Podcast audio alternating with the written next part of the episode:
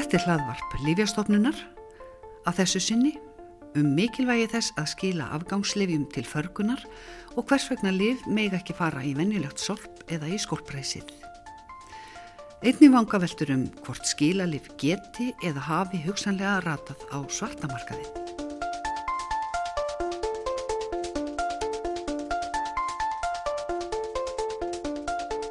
Fólk verður sífælt betur meðvitað um það að flokka og skíla til endurvinnslu eða förgunar varningi sem það er hægt að nota.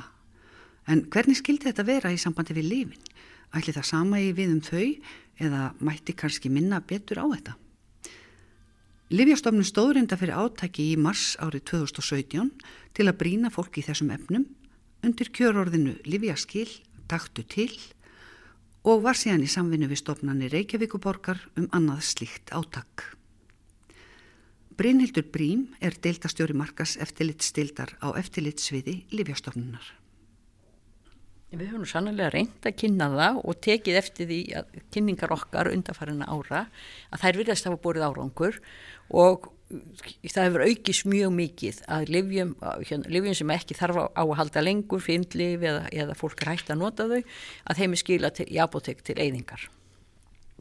Hvað er langt síðan að apotek fóru að, að taka við svona afgámslifjum frá almenningi? Ég, það er nú langt síðan því að allavega í reglugjör sem var gefin út 91 þá stóða að, það, að apotekinn skildu taka við til eyðingar. Nú bara veit ég ekki hvort það var fyrir þann tíma en það er sem sagt langt síðan. Eh, þú nefndir áttak sem að Livjastofnun hefur farið í já, oftar en einu sinni til að vekja aðtekla á þessum mikilvægi þess að skila afgangslifjum til apotekana. Eh, hefur hugmynd eða hafið þið hugmynd hérna um hversu mikið þetta er?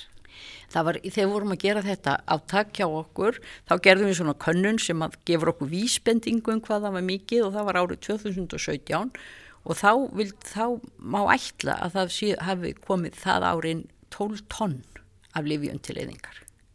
Það, það er að segja frá einstaklingu sem eru skilin til apoteka til eyðingar. Svíðan er miklu meira livjum sem kemur frá heldsölum eða það sem fyrnist í hillónum í apotekum eða fyrnist hjá heldsölunum eða inn á sjúkrahúsum. En þetta er bara það sem kemur í gegnum apotekin, í gegnum kúnan. Þetta er sannlega mikið magn og einhverjir velta kannski fyrir sér hvort ekki sé hægt að endur nýta eitthvað af þessu öllu. Sérstaklega liv sem eru í órópnum pakningum og ekki fyrnd. Það gengur ekki. Enda eru afar miklar kröfur gerðar þegar að framleiðsla livja er annars vegar og sömulegðis í tengslum við flutning þeirra og geimslu. Þetta er engin venjulegur varningur. Liv þar til dæmis að geima við tiltekið hitastig, mismunandi eftir livjum. Og verði hitastig livsins annarkvort ofhátt eða látt, getur það spilt virknið þess og þar með er það ekki nótæft lengur. Það, það, það er ekkert að nota livin áfram.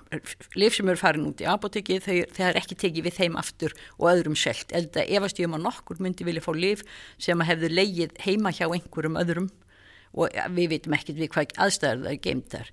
En ástæðan fyrir þetta kannski hefur verið svona mikið að svo á þeim árum voru reglur þær að það voru afgriðið svo stóri skamtar, hundra daga skamtar af stóri pakkar, margir pakkar, hver og eitt fekk afgrið kannski hundra daga skamt Nú er aftur á múti búið að vera að breyta regluginn og reyna að fara niður í minna og þannig að fólk fái minna magn í einu og liggi þá ekki með svona mikið heima og þar að leiðandi kannski verði ekki svona mikið sem eðilegst. Þannig það er unnið af því að það verði minni skamtar sem hver og eitt fær afgriði hver sinn. Þú ert að tala um, um eins og þetta var 2017 eða þessa tölu sem að þú nefndir. Já þetta var ennþá Já. 2017, svona þessi stóru skamtar. Já.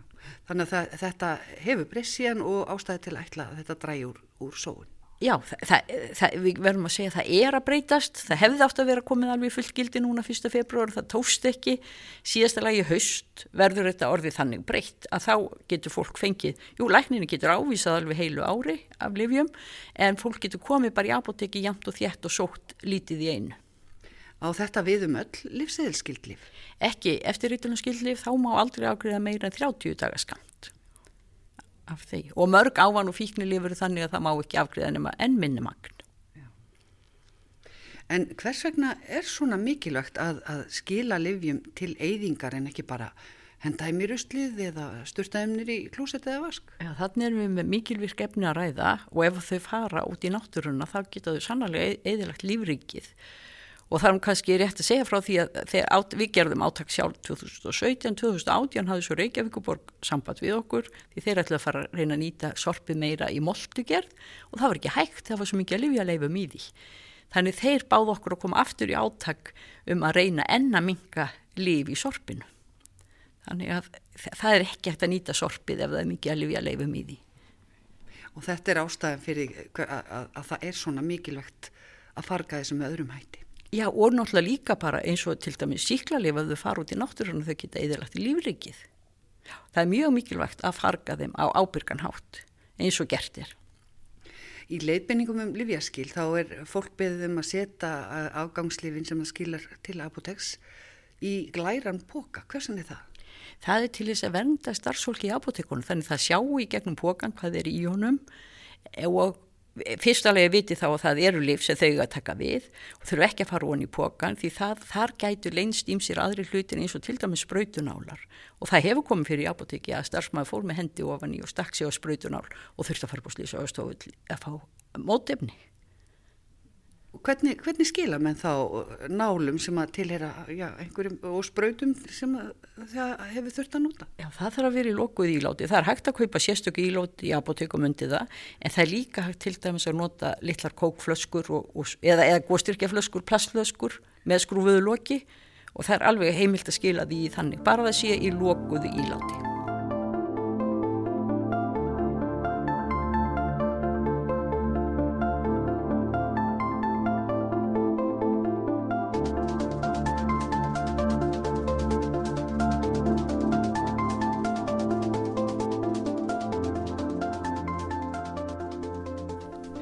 En hvernig er svo þetta ferli þegar að, að, stafsmæður apoteksins er búið að taka við, já, livjum í klænum póka? Hva, hvað gerir svo?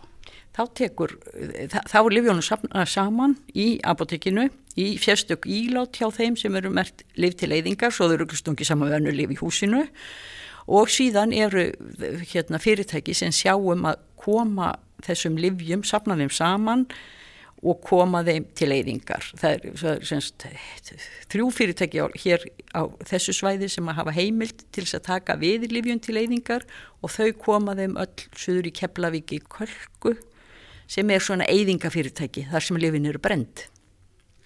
Og er þetta bara örfá fyrirtæki sem að, að, að hafa hvað leifi til að, að vinna þetta? Já, það er á heimasvið umhverjastofnuna komum við fram, það er bara þrjú fyrirtæki sem meiga taka við livjum til eyðingar.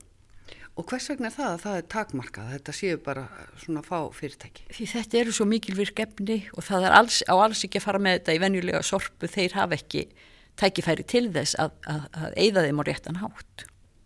Og er mikið eftirlit með þessum fyrirtækjum sem að sinna þessu? Já, það er, umhverjastofnun hefur eftirlit með sínum fyrirtækjum og við höfum nú komið þar í heimsókn og okkur líst mjög vel á starfsemi hjá þeim fyrirtækjum, alveg fasta reglur, öryggisreglur, lifin sem að þeir koma og sækja í apotekinn og ef þeir fari ekki beint með það suðrættir, þá eru þeir geimt í örugum læstum hitslum, það eru öryggiskerfi hjá þessum fyrirtækjum.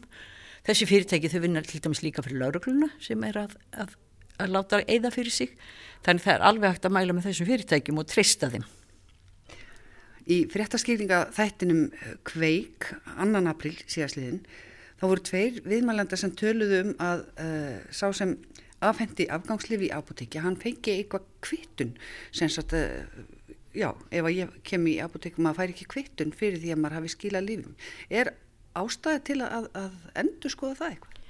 Það væri afar erfitt að fara að veita kvittun því þá er því starfsfólk apotekana að taka lifin og telja þau og þau eru það að vita hvað þau eru að telja. Kannski er þetta bara kvítar töflur í póka það hafa ekkert eh, sem við veit ekkert hvað eru. Og þó svo að það sé skilaðinn hundra kvítum töflum sem engin veit hvað heitir það hefur, svo kvittun hefur lítið að segja. Og ef að þetta ætti að vera kvittun fyrir því að þetta færi svo út úr apotekinu aftur til leiðingar þá þurft að telja aftur og ef það þarf að telja 17 tonna livjum á ári, ef við gefum okkur það að það, þetta sé svona sirkatalan og reyndar gætu að vera orðið heldur meira þá væri það nú bara orðið margar að daga að vinna og e, við verðum bara að treysta starfsfólkinu sem tekur við þessu að það, það setur það á réttan stað og það fer í rétt ferli, þessi, eyðingaferli.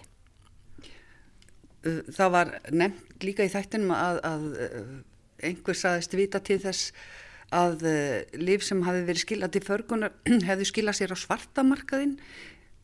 Þarf ekki að, að við hafa eitthvað eitthva meira eftirlit í þessu ferli? Já, við vitum til þess að það var árið 2011 þá var farið með þá fór eitt apotek með líf í sorpu til leiðingar sem átti náttúrulega ekki gera af því að er, þeir get ekki tekið leiðingar og það kom viðkomandi varð var við það í sínum heimabæ að lífið var komið til sölu eða notkunnar þar. Þetta er eina tilfelli sem við vitum um að hafi verið en sannarlega við höfum oft fengið þessar sögur að, að það sé verið að selja líf sem hafa farið með hérna, lif sem kannski hafa komið úr apotekum en það hefur aldrei nokkur getað sínt okkur pakka með mertan pakka og sagt okkur úr hvað apotekjan kemur. Þannig að meðan við fáum ekki neitt svoleiðis þá höfum við ekki ástöðu til að trúa að þær, þeim sögum að þetta komi í gegnum apotek Lif geta ekki að sjálfsögðu það hægt að smikla lifjum til landsins. Slík lif getur farið á markað. Það, sem, sem eitt, eitt möguleiki á því sem er á markaðunum það er auðvitað hægt líka einhver getur líka fengið lif hjá læknu og notað ekki sjálfur og tekið miðan af, nafni sitt af og selt pakkan, það er líka hægt.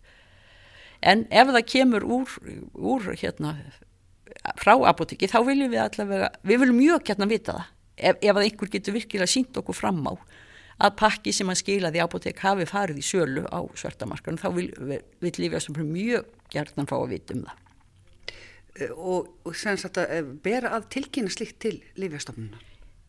Það stendur svo sem ekki inn einu lögum að það beri en við værum afar þakklátt ef við værum látið vita. Ef það væri sem sagt sannanlegt en, en það er ekki nógu að segja bara að þetta sé svona. Það þarf að sanna það. Þannig að það eru auðvita alltaf einhverjar leiðir ef menn hafa mikinn áhuga til að komast fram hjá svona reglunum? Já, því miður, en ég held að við, verð, við verðum að trista því að það sé fyrir gegnum apotekin að það fari í eyðingu en ekki í sölu. Þetta var Brynildur Brím, dildastjóri markas eftirlitstildar á eftirlitsviði Livjastofnunar.